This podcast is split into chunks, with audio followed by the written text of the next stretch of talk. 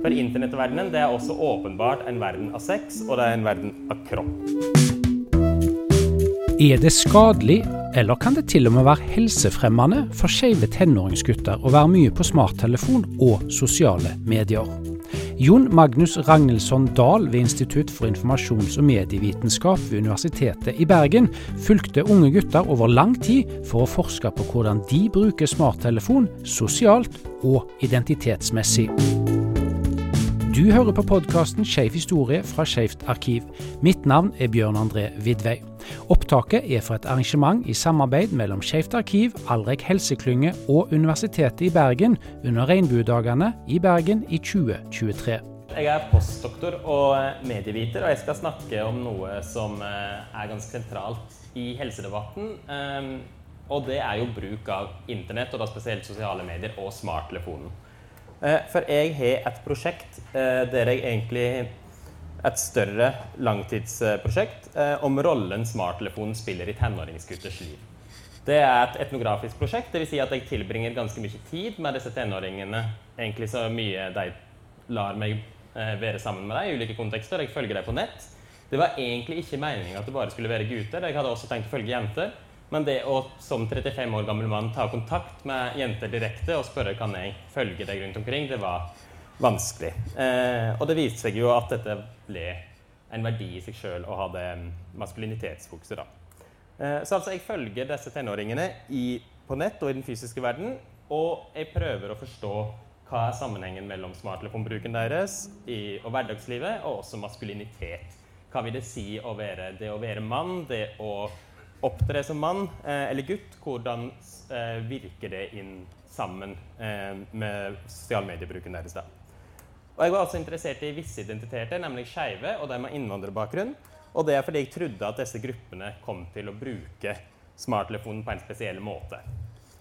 Og det stemte, i alle fall når det gjaldt skeive.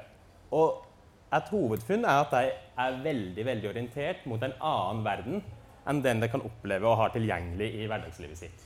Det er noe på nett, det er noe i smarttelefonen, i alle de ulike appene og nettsidene, som de kan få der, som ikke fins i hverdagen. Eh, og man må huske, Dette glemmer man veldig fort som voksen. Man må huske at livet ditt når du er 12, 13, 14 og helt opp til 16-17 er ekstremt begrensa. Alle informantene mine er fra enten fra Bergen eller nabokommunene. Eh, men folk som hadde for vokst opp i Åsane eller i Godvik, er jo aldri i Bergen sentrum når du er tenåring. Det er en verden som ikke fins. Man beveger seg i et veldig veldig lite geografisk område, selv om man egentlig bor i en i norsk sammenheng ganske stor by. Og i hverdagslivet sitt så forteller jeg nemlig historier om homofobi og heteronormativitet som er ganske voldsom, spesielt heteronormativitet. De eh, snakka alle om at de hadde noen ideer eller følelser at de var annerledes, at de var skeive når de allerede er 11-12-13. Jeg snakker ofte om å ha blitt stempla som homo allerede i alder av 7-8-9, av alt fra skolekamerater til danselærere og foreldre. Eh, og opplever samtidig at dette er noe man ikke kan være. Dette er et forferdelig skjebne å skulle være skeiv. Så kontrasten, da, det er jo på nett. De beveger seg inn på nett, og der opplever de at det er et annet felt. Og etter hvert så ser det ut som også mye av seksualiteten deres blir forma her inne. Så rett og slett uh, virker det som om disse tenåringene opplever å høre til på internett på en helt annen måte enn de kan gjøre i det fysiske verden. Først og fremst er det eksistensielt tryggere i hverdagslivet. De kan stå fram. De kan eh, vise visse interesser. De kan ikke minst snakke om seksualitet og seksuelle følelser på en helt annen måte enn de i det hele tatt kunne gjort eh, i skolehverdagen. Eh, veldig typisk for dette relativt lille utvalget her er jo også at de har som barn vært ganske hva skal man si, De har kledd seg annerledes, hatt ikke-typiske maskuline interesser som teater eller dans, og i 11-12-årsalderen trukket seg helt vekk fra det og begynt å bruke svarte og brune klær osv. Mens på nett så opplever de en helt annen fristad. Ganske fort så møter de skeive på samme alder fra hele Norge gjennom disse appene. Eh, de bruker først og fremst Snapchat, men også Jubo, som er en slags eh, datingapp-aktig ting, men først og fremst for å møte venner som er retta mot barn, da, altså, eller mot litt uh, eldre barn. Jeg tror vel det er tolvårsgrense. Eh, en informant sa han hadde ca. 100 personer som han snakka med daglig inne på Jubo når han var 15 år. Eh, og etter hvert så blir også dette noen de møter. De har venner på besøk fra, her i Bergen, fra Trondheim eller Oslo. Og ikke minst så viser det seg at de kommer i kontakt med folk som bor ganske nærme. F.eks. bor man i et uh, strøk i Åsane, bor man i Flaktveit, vil du etter hvert finne den det jeg da tror er den andre homoen i Åsane på egen alder, som bor på Tertnes. ikke sant? Og de snakker kanskje ikke lenge på nett før de faktisk møtes på McDonald's på Åsane senter. Eh, det her er en mekanisme alle jeg har snakka med, eh, forteller om det. Og det kan gå fram og tilbake i en sånn pendling mellom nett og den fysiske virkeligheten. Og samtidig eh, som denne direkte sosialiseringa eh, skjer, der de på en måte utforsker seksualitet, utforsker seksuell identitet gjennom å snakke med levnaldrende, så følger det også norske og internasjonale influensere som gir mening i hva det vil være å si å være skeiv. Og dette gjør de jo også ofte i begynnelsen med falske kontoer, slik at de som vanligvis følger deg på f.eks. Instagram eller Twitter, ikke vil se at, du, at vennene dine eller skolekameratene ikke ser at du følger eh, alt dette skeive innholdet. Men et ganske tydelig steg er jo at de begynner å kommentere sjøl. Eh, de våger å ta direkte kontakt eh, med disse influenserne, om det så bare er en liten kommentar, og etter hvert bruke sine egne kontoer. Det er et slags prosess inn i dette å bli tryggere på seg sjøl gjennom internett.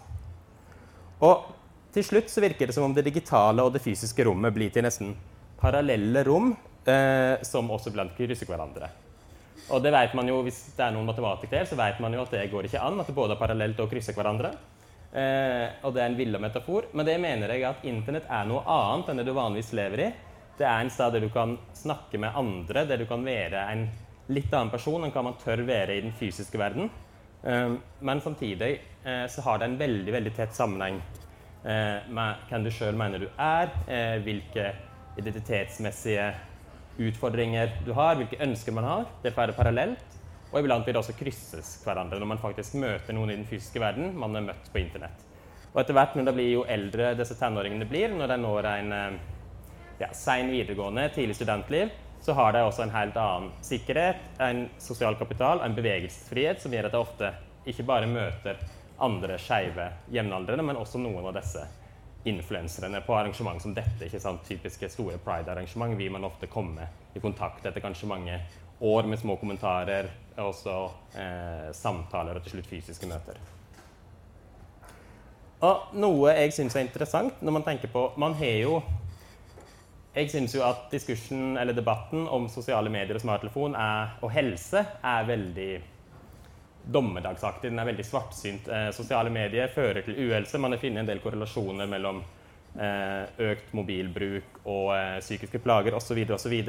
Men her virker det jo, i fall hvis man tenker det større utvida helsebegrepet, som om bruk av telefonen for disse tenåringene kan være helsefremmende. De, dyrte klarer å komme eh, ut av ensomhet, de får en tryggere identitet gjennom denne ganske intensive bruken som handler om seksualitet. For de guttene i mitt utvalg, eh, som absolutt ikke er representative, det er bare det er tre stykk, men jeg kjenner dem jo veldig veldig godt, de er nå, i en alder av eh, fra 17 til 19, veldig ute, om man kan si det sånn. Ja, de har en slags androgyn maskulinitet. De er gått fra å være slike stille gutter som spiller fotball og kler seg i svart og brunt, til å eh, ha en helt til å leke med farger, med sminke og smykker, og de deltar i en i, så mye de kan i en slags homo-offentlighet. Eh, de eh, er med på arrangement, de er med på kulturarrangement som her. De eh, deltar eh, i ulike skoledebatter om hvordan de har vokst opp som skeiv. De går på Finken den fredagen i måneden de kan det. Eh, de har liksom hatt en 180 eh, graders vending, rett og slett, i, gjennom tenåra sine. Så hvis man ser på dette, eh, hvordan de forteller om at internett er et fritt sted, et uh, trygt sted, så virker jo det som en slags solsynshistorie. Men så klart er det jo mer komplisert. For internettverdenen det er også åpenbart en verden av sex, og det er en verden av kropp. Og det er det ganske ambivalente til. Iallfall når de forteller meg dette i ettertid. Eh, de sier at det var på nett for å utforske seksualiteten, og det er ca. 12. Altså det er 11, 12, 13 når de leiter etter andre med lignende seksuell identitet på nett. Og det blir fort også en slags seksuell praksis i ulike måter. Og det begynner å havne på datingapper når det er 14-15. Eh, nesten alle datingapper har jo en 18-årsgrense, og det her er jo da først og fremst Grinder det er snakk om. Og når man er på disse appene, så snakker man jo veldig fort med deg som er en god del eldre enn deg. Alle har erfaring eh, med å bli tilsnakka med av eldre personer. Eh, og eldre kan være alt for deg det kan være alt fra 17 til 70, ikke sant? Eh, veldig mange av dem har fått egne nakenbilder eh, spredd videre. Det er oppdaga i andre sirkulasjoner. Eh, ingen har fortalt meg om sånne trusler at, eh, eller hevnporno, men de har sett det rett og slett i fritt flyt. Eh, og alle tar ulike forhåndsregler. Noen sier har sagt til meg aldri sender det. De sender jo Ingen eh, sender helfigurbilder med ansikt, og de bruker ulike tekniske løsninger for å gjøre dette. Eller for å oppleve at dette er tryggere, da, så klart. Eh, og dette er også noe de snakker om i intervjuer, at de syns dette er De skulle ønske at de ikke At de kunne vært barn litt lenger, at de ikke hadde kommet inn i denne sterkt seksualiserte verden og det er 11-12-13. Men samtidig virker det bare som det er den eneste homoverdenen som var tilgjengelig for deg. Det var bare internett, og det er en seksualisert verden.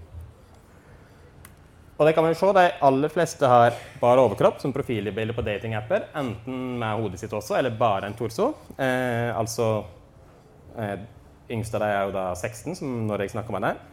Og samtidig vi snakker da også om at de har vært lite fornøyd med sin egen kropp. De syns de var tynne, føler litt muskuløse, at de ikke har synlige muskler. Det er altså gjennomgående i samtaler. De har veldig tydelig kroppen som prosjekt. I andre sosiale medier så kan man se f.eks. at de poster bilder um, og sier nå er jeg endelig fornøyd med min egen kropp. Det skjer ganske jevnlig. Og nå har jeg fulgt disse i halvannet år, og har, uh, det, er, det er ganske tydelig at kroppen og det å bygge muskler er et prosjekt for deg. Så det er en slags spenning her. Det er åpenbart at um, nett, internettet, smarttelefonen, sosiale medier for deg er helsefremmende. Det er en mulighet der de kan møte andre med samme seksuell identitet. Det er en sted de kan få venner, komme ut av ensomheten, være tryggere i seg sjøl. Samtidig er det noe eh, som er veldig sterkt eh, prega av en kroppskultur og en seksualisert kultur som de eh, virker også som har noen eh, iallfall medium langsiktige konsekvenser og skaper en slags usikkerhet og en utrygghet. Og så vil jeg òg En siste liten ting. Um, det er jo at de snakker jo ofte om, første gang jeg møter disse, og også disse som har deltatt i ulike debatter, de forteller en veldig lik komme ut-historie, og det er den som jeg syns jeg har hørt hundrevis av ganger, også hvis du ser på alle gamle filmer fra 90-tallet og slik. Man forteller først til venninne at du tror du er homo, og så til mamma. Og det er den, deres offisielle komme ut-historie. Men når jeg er blitt kjent med disse guttene etter sånn fire-fem måneder, så forteller alle meg at nei, den egentlig det første jeg sa til at jeg tror kanskje liker gutter, det var en annen jevnaldrende gutt på internett jeg ikke visste hvem var. Så det er noe med eh, Og det er òg veldig vagt. De snakker også ofte om at de ikke visste hva homo var engang når det var 11-12, og begynner å utforske dette på nett. Så det er et eller annet her i den forminga av identitet, det å gå inn i eh, seksualiteten sin, som er veldig veldig sterkt knytta til dette livet på internett. Eh, hva det er, eh, om det er hva som kom først, det er usikkert å si, men det er åpenbart at forming av seksualitet, iallfall seksualiteten intern identitet, det henger ekstremt tett sammen med livet deres på nettet, tror jeg vi kan godt slå fast.